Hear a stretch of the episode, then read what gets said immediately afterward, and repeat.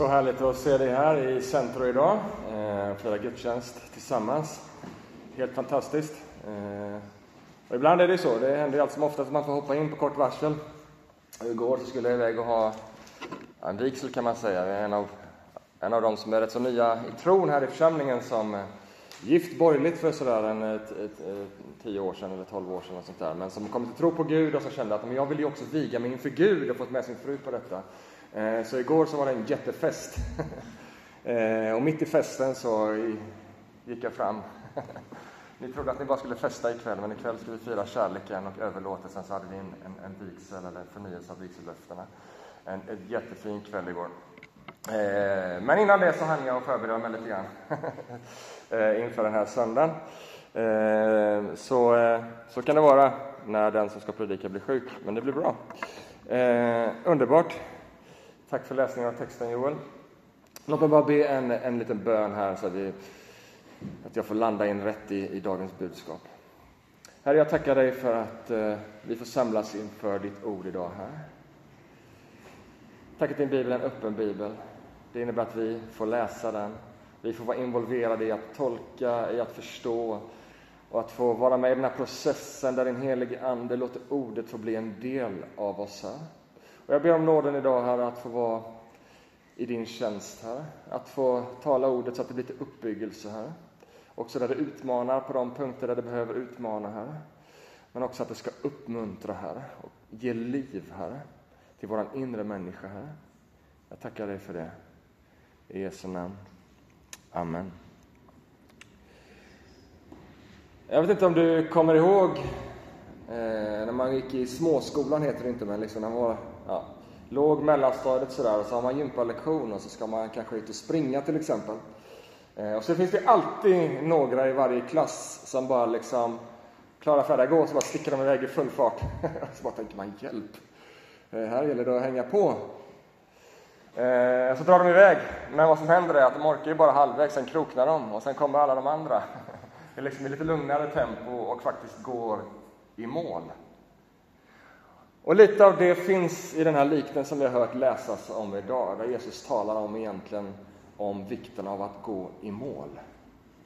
Det handlar inte så mycket om det ser ut till en början med, det är mer viktigt att Guds vilja i våra liv faktiskt får fullbordas.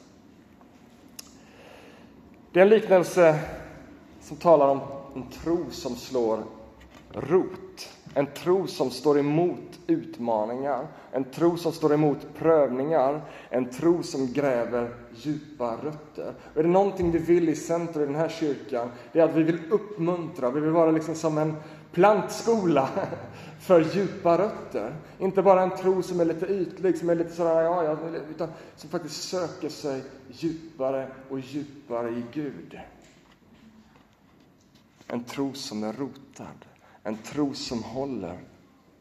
Inte bara en bekännande tro, utan också en bestående tro.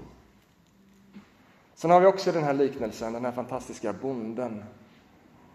En outtröttlig bonde som sår sina frön lite överallt, eller mycket överallt, oavsett hur jordmånen ser ut. Och som alltid med Jesu liknelse, det är ju hela liksom liknelsernas genre egentligen. Så, så alltid med Jesus, när han tar en liknelse, så tar han en högst vardaglig sak för att förklara en andlig sanning om Guds rike. Och det här är också liksom titeln på vår serie som vi, som vi har här. Eh, eh Jesu liknelser, sanningar dolda i vardagligheter. De är lite dolda, man behöver stanna upp. Man behöver fundera. Liknelsen var inte unikt för Jesus. Liknelsen var en tradition som rabbinerna liksom hade använt sig av och, och använde sig av. Men ändå så tror jag, jag tycker mig se att det finns ett annat sätt, det finns ett annat syfte, en annan tanke när Jesus använder sig av liknelser. Troligen så använder Jesus liknelser för att inte alltid tala i sådär direkta, definitiva ord. Därför att hade han gjort det i sin samtid, bara sagt saker rakt ut, så hade det gett hans motståndare direkta anledningar, direkta bevis för att liksom, det här är heresi, du reser dig upp mot eh, de judiska lärorna. Du reser dig också upp mot kejsaren och mot Rom och alltihopa. Men Jesus talade i liknelser. Så fanns det inte de där direkta, därför att det var nämligen så att i, i, i rättegång så kunde man inte döma någon för en liknelse. För en liknelse är ju en liknelse. Så jag tror Jesus var lite street smart. Han kunde predika offentligt. Han kunde slänga ut frön, skapa ett intresse för folk att ta reda på mer. Och sen de som var intresserade, det som sker i dagens liknelse, att de som var intresserade, de kunde han ta åt sidan och så kunde han förklara lite mer vad egentligen han menade. Ibland är det bra att bara så lite frön. Jag och Hannes, Hannes var med på, på den här bröllopsfesten igår och kändes som vi sådde frön hela kvällen, eller hur? Man bara fick sånt intresse. Bara slänga ut hela tiden. Alla, vad spännande, vad, är, är ni kristna? hela kvällen, bara slänga ut frön. Och jag kände inför det här budskapet, liksom, blev så levande för mig. Bara slänga ut frön. Vi vet inte exakt hur jordmånen ser ut, men vi sår. Vi slänger ut frön. Jesus använde också liknelser för att illustrera andliga sanningar i något konkret vardagligt. Sanningar som kanske hade varit lite för radikala. Jesus var ju radikal. Det är liksom, vi behöver liksom inte krydda Jesu budskap, utan det räcker att läsa det som det är. Så lite, jag tror också lite med liknelsen var lite med att, att, att, att, att, att att göra så att vi kunde ta emot liknelserna, att de liksom växer på oss. Det är lite som en liknelse. Med Jesu liknelse, det kan vara stora koncept. Och vi kan liksom ta emot det lite lager för lager och det växer i den som tar emot liknelsen.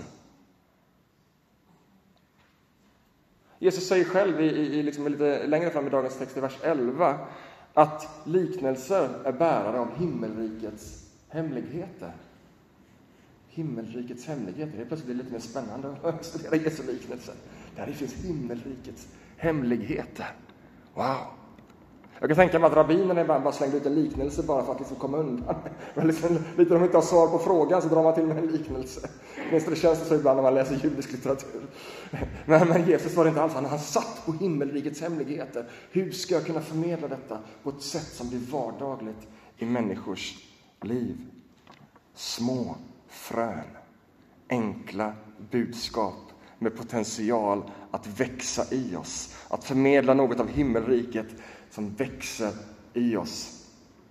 Och här har vi settingen. Jesus är på landsbygden. Jesus är i Galileen. Och eh, det står att han kanske han går ner till sjön, står alltså Genesarets sjö. troligtvis så är han där på bergssluttningarna. Och vad gör man på bergssluttningarna? Jo, där odlar alla. Så han liksom går ner till sjön. Sådd och skörd var vardagsmat, det var ett vardagligt språk. Det här med att kunna så och skörda, det var liksom överlevnad på landsbygden, landsbygden i Galileen. Så det en såningsman gick ut för att så. När han sådde föll en del vid vägen och fåglarna kom och åt upp det. En del föll på stenig mark där det inte fanns mycket mylla. Och det kom upp snabbt, ja det växte snabbt eftersom att vi inte hade djup jord. Men när solen steg sveddes det och eftersom det saknades rot vissnade det bort. En del föll bland tistlar och tistlarna sköt upp och kvävde det andra som växte. Men en del föll i god jord och gav skörd hundrafalt, sextiofalt och trettiofalt. Hör du som har öron. Allt börjar med en bonde som går ut. Lätt att missa den lilla detaljen. Bara hoppar in och försöker förstå liknelsen. Men jag tror Jesus har en poäng med det. En bonde går ut. Vet, en del människor förväntar sig skörd utan att så något. En del människor förväntar sig skörd utan att så något.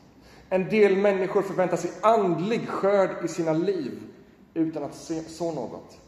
En del människor förväntar sig att människor runt omkring ska komma till tro på Jesus utan att så något. Hur ska de kunna höra, säger Paulus, om inte någon går ut och slänger ut lite frön? En bonde går ut. Så kan man tänka när man läser, vilken korkad bonde! Den här bonden verkar inte ha koll på någonting. Det står att de slänger ut frön helt okontrollerat på vägen, bland tistlar och bland stenar och en del trillar i god.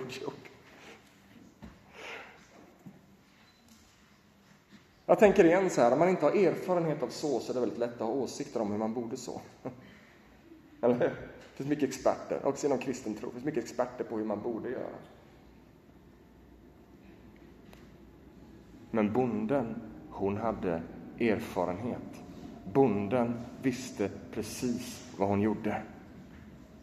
Hon visste att livets frön kan sås med framgång också där det ser svårt ut. För det finns sprängkraft i fröet.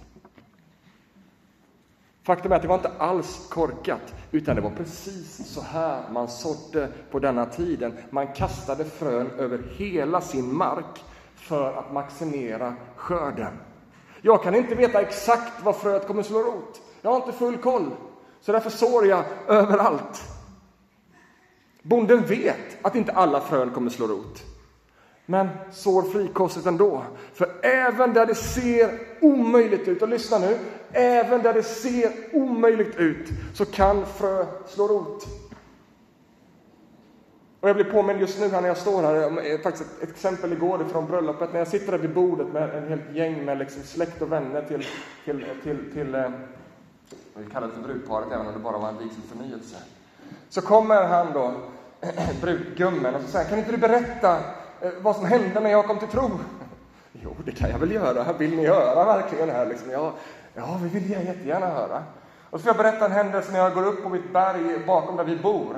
Och så ber jag, för jag känner mig frustrerad. Varför bor vi i detta området? Varför har vi flyttat hit? Grannarna är inte särskilt trevliga. Det, är liksom, jag vet inte, det känns bara liksom så här allmänt onödigt. Ja, sen så träffade jag ju trevliga grannar. Alex, förlåt. Men så ber jag där uppe och så börjar jag, liksom, vad ska jag be för? Och så känner jag att jag ska be för mina barns eh, skolkamrater och deras föräldrar. Och så kommer jag till den här personen som igår då var, stod där med sin hustru. Och så tänkte han, han kan jag inte be för. Hans hjärta är för hårt. Han verkar för framgångsrik. Han verkar ha liksom, han har allt han behöver. Varför skulle han? Nej, jag, jag ber inte för honom. Då känner jag, att jag ska ändå be för honom. Så ber jag för honom. Två dagar senare ringer han på min dörr för första gången. Och så frågar han, vad gör du? och jag säger, jag sitter och läser Bibeln. Jakob heter jag. Det hade sin anledning att han ringde på dörren, vi tar inte det nu och så fick han, han blev jättenyfiken, ett litet frö. Ett litet frö. Och så fick han komma till tro, tro fick växa, han ville lära känna Jesus. Och de här små fröna, det finns en sprängkraft. Även där det ser omöjligt ut kan ett frö ha framgång. Jag tror att det uppmuntrar någon här inne. Vi ser så mycket omöjligheter. Det verkar så svårt, det verkar så stängt. Även där det ser omöjligt ut kan ett litet frö ha framgång. En del föll vid vägen. Kanske följde fröna med vinden. Eller så kanske det hamnade på de här upptrampade stigarna som blir, du vet, när man går i jorden. En väg är hård. Det är svårt för fröna att sjunka ner och slå rot. De ligger oskyddade för hungriga fåglar. En del föll på stenig mark. Och det blev lite som när jag snålade med jorden hemma. Jag skulle ta bort lite plattor på uteplatsen och så gräs istället. Då sa de att du behöver så här många säckar jord. Nej, men det kan inte vara möjligt. Jag köper hälften. Eh, men det räckte ju liksom att solen kom fram så blev allting gult. Det växte upp väldigt fort. Men det vissnade för det saknades djupa rötter. En del föll bland tistlarna, säger Jesus. Och idag pratar vi jättemycket om invasiva växtarter, växter som kommer in och tar över och kväver annat. Ogräs kan vara vackert att se på, men problemet är att de tar näringen från allting annat. De utbreder sig och kväver allt annat liv. Och har du fått in dem i din trädgård så är de svårt att bli av med. Du behöver rycka upp dem med rötterna. Men en del föll i god jord och bar frukt. Här i ligger bondens glädje. Här i ligger anledningen till bondens arbete och bondens slöseri. Det var inte uppenbart för bonden vad som alltid var god jord, men en del föll i den där jorden. Det där pyttelilla fröet kan kännas så livlöst och torftigt. du bara slänger ut i någonting, att du liksom, om din tro, eller bara, känns, usch vad torftigt. Men det där lilla, lilla fröet. Det är bärare av livskraft, av grönska, av blomster och av frukt, av liv.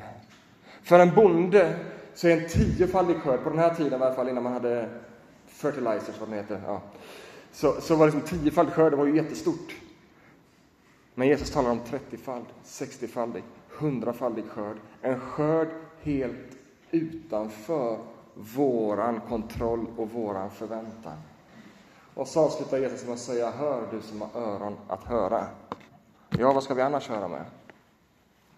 Ja, Jesus säger faktiskt lite längre fram att vi inte bara ska höra med öronen, utan också ner i hjärtat. Att det är med hjärtat vi tar emot och förstår hans ord, det står i Matteus 13, vers 13. Vad är det Jesus säger till oss? Vad är det han vill att vi ska höra med våra öron och förstå med vårt hjärta? Ja, faktum är att allt som han säger behöver vi förstå på det sättet. Med våra öron. Det får gärna bli en del av vårt intellekt. intellekt. Därför att den kristna tron är inte antiintellektuell. Den är högst intellektuell. Det har vi haft många samtal om, Henrik, eller hur? Det finns, det finns, liksom, det finns, det finns liksom en intellektuell substans här i.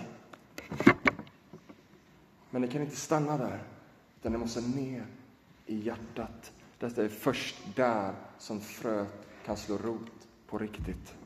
Det är skillnad att höra om Gud och att lära känna Gud. Det är skillnad att höra om Guds rike och att Guds rike får slå rot och växa upp i oss. Hör du som har öron, hör på ett sätt så att ordet landar och sjunker ner. Lyssna på ett sätt så att det får rötter ner i hjärtat. Och varför ska det ner i hjärtat? Jo, därför att det är därifrån det växer upp. Och från hjärtat utgår livet. Va? Det växer upp och det växer ut i allt som vi är och har. När evangeliet om Guds rike går ut så faller en del på vägen. Ja, vad talar Jesus om? Han talar om hjärtan som är hårda. Vad händer? Fröna hamnar på ytan. Det finns ingen mjuk mylla att sjunka ner i. Man kan eller man vill inte förstå. Man kanske inte är redo. Marken kanske behöver bearbetas lite till. Eller man kanske inte vill. Jag vill inte höra. Hjärtat är stängt. Jag har bestämt mig för att Gud finns inte. Jag har bestämt mig. Eller, nej, Gud älskar inte mig. Nej, Gud berör inte mig. Jag har stängt hjärtat. Fröna studsar. Det är liksom som bara studs när fröna kommer. då ligger de där fröna helt öppna för fåglarnas attacker. Och det är lite synd om fåglarna, för fåglar i Bibeln, framförallt i Gamla Testamentet, är en, eh, ofta en bild på fienden. Eh, och för en av mina söner så är det ganska lätt att relatera till. Därför att när Maximilian han stod och käkade på torget i Varberg en donut, så kom det en fiskmås och bara flög rätt ner och bara tog den i näven på honom. Jag tror kanske det är därifrån liksom, den här tanken med, med fåglar kommer. Fåglarna liksom kommer att attackera, som skäller och tar. Du kan liksom så en hel åker. Om du inte får ner fröna i myllan så kommer de fåglarna du kan komma igen med kajer och bara käka upp varenda frö över en natt. Vår tid har inte tid att stanna upp och ställa sig de stora frågorna. Nej, det bara studsar, jag har inte tid. Jag vill säga till dig, vare sig du är troende eller ännu icke troende, ge inte upp för fort. Låt Guds ord få gro ett litet tag. Ge det en liten chans. Du kanske tycker, men det, it doesn't make sense. Det bara studsar. Ge det en chans. Ge det lite tid. Låt inte fienden, vad nu än fienden är i ditt liv, få plocka bort alla frön innan det har hunnit börja gro. När evangeliet om Guds rike går ut så faller en del på stenig mark. En, det finns en jordmån, hjärtat är inte helt stängt. Det finns ett intresse, men jorden är tunn.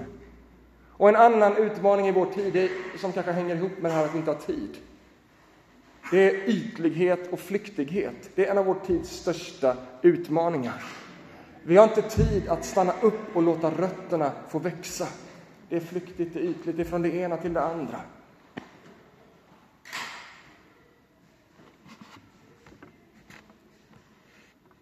Vi frestas konstant att välja den lätta vägen framför den rätta vägen. Ja, men det är okej, okay, liksom. ja, men ja, det är okej okay, så länge liksom, Gud stryker mig medhårs. Så länge det liksom passar in med samtidens agenda, men då är det bra, då är jag kristen. Då kan jag till och med gå till kyrkan ibland. Men när det kostar något,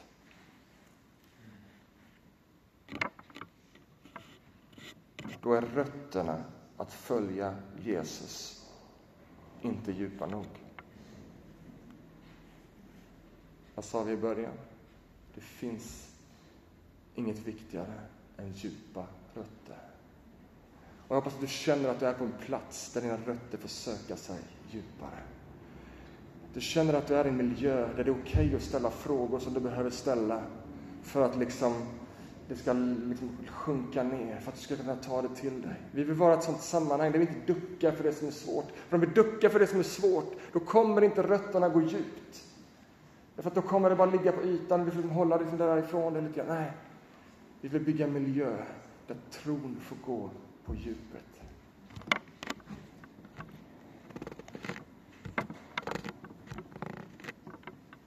Om rötterna är djupa nog så kan vi växa och blomstra också under gassande sol. Och när evangeliet om Guds rike går ut så faller en del bland tistlarna. Jag tror att tistlarna är allt det där som lockar i livet. Det som verkar så bra, men som inte håller vad det lovar. Har du stött på något sånt någon gång? Den verkar skitbra. Den här måste jag beställa. Så får man hem den. Varför köpte jag den grejen för? Sån är synden i ett nötskal. Du vet, synden lovar alltid vad den inte kan hålla. Den lovar ju guld och gröna skogar. Det är bara... Så smakar det på synden. Så går det ett tag, så bara... Åh. Som en tistel. Den växer upp snabbt och jag plockar den. Men när du plockar den så fastnar det taggiga, små äckliga liksom grejer i fingrarna som du inte kan få bort. Det är så lätt att lockas av det som växer snabbt, som ser okej ut på, ytan. Det är så lätt att lockas av vår tids livsvision, självständighet, oberoende, rikedom, trygghet, framgång. Men vet du vad Jesus säger? Apropå att vara radikal. Han säger att ni kan inte ha två herrar. Ni kan inte, säger han i det sammanhanget, tjäna både Gud och mammon, alltså Gud och pengar. Jesus är inte emot att du och jag har en inkomst, det är inte det som är poängen, utan vad han talar om är vårt hjärta, det här hjärtat. Vår inre människa, vad är det som äger vår inre människa? Vad är det som definierar vår livsvision? Vad är det som definierar det goda livet för dig och mig?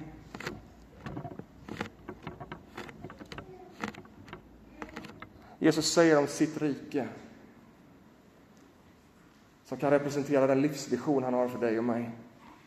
Att när det fröet träffar vårt hjärta och slår rot, då vill det växa upp och bli ett av träden. Nej, då vill det växa upp och bli det största trädet. Alltså ta över i ditt liv. Tistlarna vill kväva Guds vision, de här tistlarna Jesus pratar om. Alla de andra sakerna som lockar, om det får för stor plats ni vet, det tar det över och vill kväva den där plantan. Och tistlarna kommer aldrig kunna ge dig det livet du längtar efter. Bara det trädet, alltså den livsvision som din skapare har för dig, kan växa upp och föra dig ut i det livet, att få blomstra, få bära frukt. Tiofalt? Nej. Trettiofalt? Ja. Sextiofalt? Ja. Hundrafalt. Guds vision för ditt liv. När evangeliet om Guds rike går ut så kommer en del att falla i den goda jorden.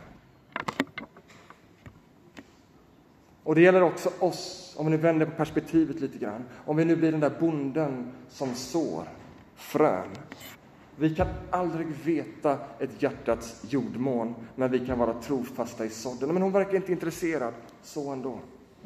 Men hans liv verkar redan så perfekt, så ändå. För när fröet träffar rätt, när det slår rot i ett öppet hjärta, så är frukten hundrafaldig. Och det handlar inte så mycket om dig, det handlar inte så mycket om bonden som det handlar om det fröet. Fröet med liv. En bonde har en tro på den inneboende kraften i det lilla fröet. Vi sår inte våra egna frön. Vi sår Guds rikes frön som med Andens hjälp kan skapa liv. Gud ger växten. Det där skapar vila.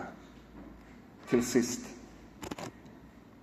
Ett hjärtas åker, vare sig i ditt liv eller i någon annans liv, är inte någonting statiskt. Livet gör saker med våra hjärtan. Jag vet inte om du märkt att du liksom, oj vad mottaglig jag känner mig för olika liksom, saker här. Om det har hänt någonting, det har hänt någonting i livet som gör att du är mer öppen, mer mottaglig för, för, för Gud eller kanske för allt möjligt. De flesta som kommer till tro på Jesus har hört budskapet flera gånger. En, två, tre, fyra, fem, sex, sju gånger. Hade vi tänkt att nej, men han har hört en gång, liksom. ja, men hjärtat var inte där. Men ett hjärtas åker är någonting dynamiskt. Livet jobbar med oss. Jordmånen förändras av väder och vind. Och vi som människor, vi har möjlighet att arbeta med våra hjärtan för att förändra vår jordmån. Men också en bonde vet att hårda vägar kan plöjas. Ni vet, Gud kan bryta fram. Gud kan ha sin väg med människor. En bonde vet att hårda vägar kan plöjas, stenar kan röjas och ogräs kan rensas. Jag hörde faktiskt en berättelse apropå den här liknelsen. Att det var inte bara så att man sådde lite överallt när man sådde, utan det var också så att man sådde överallt. Och sen plöjde man efteråt. Nu plöjer vi först, vi luckrar upp jorden. Och sen så liksom gör vi i ordning och så sår vi. Då sådde man och sen plöjde man. Jag tror att det vill säga oss någonting, att vi kan så ut frikostigt hur det än ser ut. Och så tror jag kanske Anden är den som plöjer i människors liv. Så att det där fröet som du har sått tidigare, det kan slå rot vid ett senare tillfälle. Jag har själv varit med om det flera gånger och kanske sitter du här med just ett sånt vittnesbörd. Du hörde ordet en, två, tre gånger innan det slog rot. Vi tror på en Gud som låter vatten strömma fram i öknen så att det får blomstra mitt i öknen. Vi tror på en Gud som låter vatten strömma fram i öknen.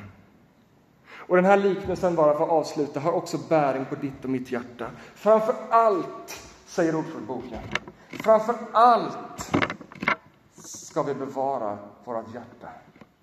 Till därifrån utgår livet. Framför allt. Vad bevarar du i ditt liv? Är det ryktet om dig själv? Är det tryggheten i dessa energitider? Vi alla som äger hus är nervösa så vi vet inte vad ska jag ta vägen. Är det det som är, liksom, är det där jag har min trygghet? Är det där, är det, är det där bevarar jag liksom att ta hand om mig själv och allt det där som jag inte kan rå över? Eller bevarar jag framför allt min karriär? Eller vad det nu kan vara. Framför allt bevara ditt hjärta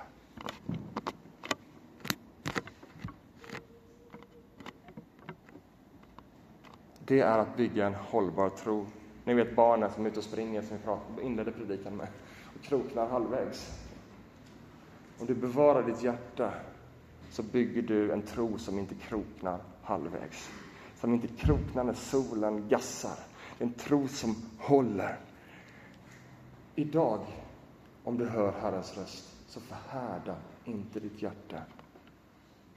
Kanske är du här idag som inte har gett Jesus en verklig chans. Kanske sitter du här inne och du inser att jag är en av dem som har låtit fröna studsa på mitt hjärta. Gud har inte fått plats i din världsbild. Eller kanske du har låtit liksom den här världens och den här tidens olika bekymmer och möjligheter för den sakens skull ta överhanden i ditt liv. Tron finns där bakom alltihopa, men det är massa annat som har blivit viktigare. Vet du vad? Ingen skugga över dig. Det händer lätt. Men idag, om du hör Herrens röst, förhärda inte ditt hjärta. Gud talar till dig idag. Jag tror han talar till ditt hjärta just nu, hur dyrbar du är för honom. Hur mycket han älskar dig, hur stora planer han har för ditt liv. Han har tankar för dig. Han har en framtid, han har ett hopp. Vårda det där lilla fröet. Se till att det inte fortsätter att studsa, utan ge det en chans. Låt det få stanna kvar där. Den här dagen, nu i slutet av gudstjänsten, efteråt, den här veckan, den här månaden, början på den här hösten. Låt det få stanna kvar där. Ge det lite uppmärksamhet, ge det lite näring. Det kanske är Gud som knackar på ditt hjärta. Vare sig du liksom kanske ännu inte är troende, kanske Gud knackar på ditt hjärta. Ge det lite tid. Fråga Gud, vad vill du? Vem är du? Kom tillbaka hit. Ge det lite näring. Kanske sitter du här inne och är troende, men du känner att mitt hjärta har blivit hårt. Mitt hjärta liksom responderar inte på vad Gud har tänkt för mitt liv. Jag springer iväg på andra saker. Samma sak med dig. Titta. Låt Gud få plöja marken i ditt hjärta. Amen. Herre, jag tackar dig för den här stunden vi har tillsammans här i Landala kapell. Tackar dig för det ordet som har gått ut. Tackar dig för den närvaron utav dig själv som är här. Du är mitt ibland oss. Du har sått, ditt ord har gått ut. Fröna ligger där. Jag ber, Herre, att våra hjärtan skulle få vara mjuka och öppna. Nyfikna. Nyfikna på vem du är. Nyfikna på vad du vill med våra liv. Jag ber att den här hösten, här, att vi skulle få ge dig uppmärksamhet. Att vi skulle få rikta vårt fokus mot dig på ett förnyat sätt. Att vi skulle låta de där fröna få ta lite plats. Att vi kanske skulle säga nej till en och annan sak. Och säga ja till dig och det livet som du har för oss. Jag tackar dig att du har spännande tankar. Tackar att du just nu föder tro. Tack att du just nu skapar liv. Tack att du just nu låter det där trädet, Guds rikes trädet som vill växa upp, din vision för våra liv,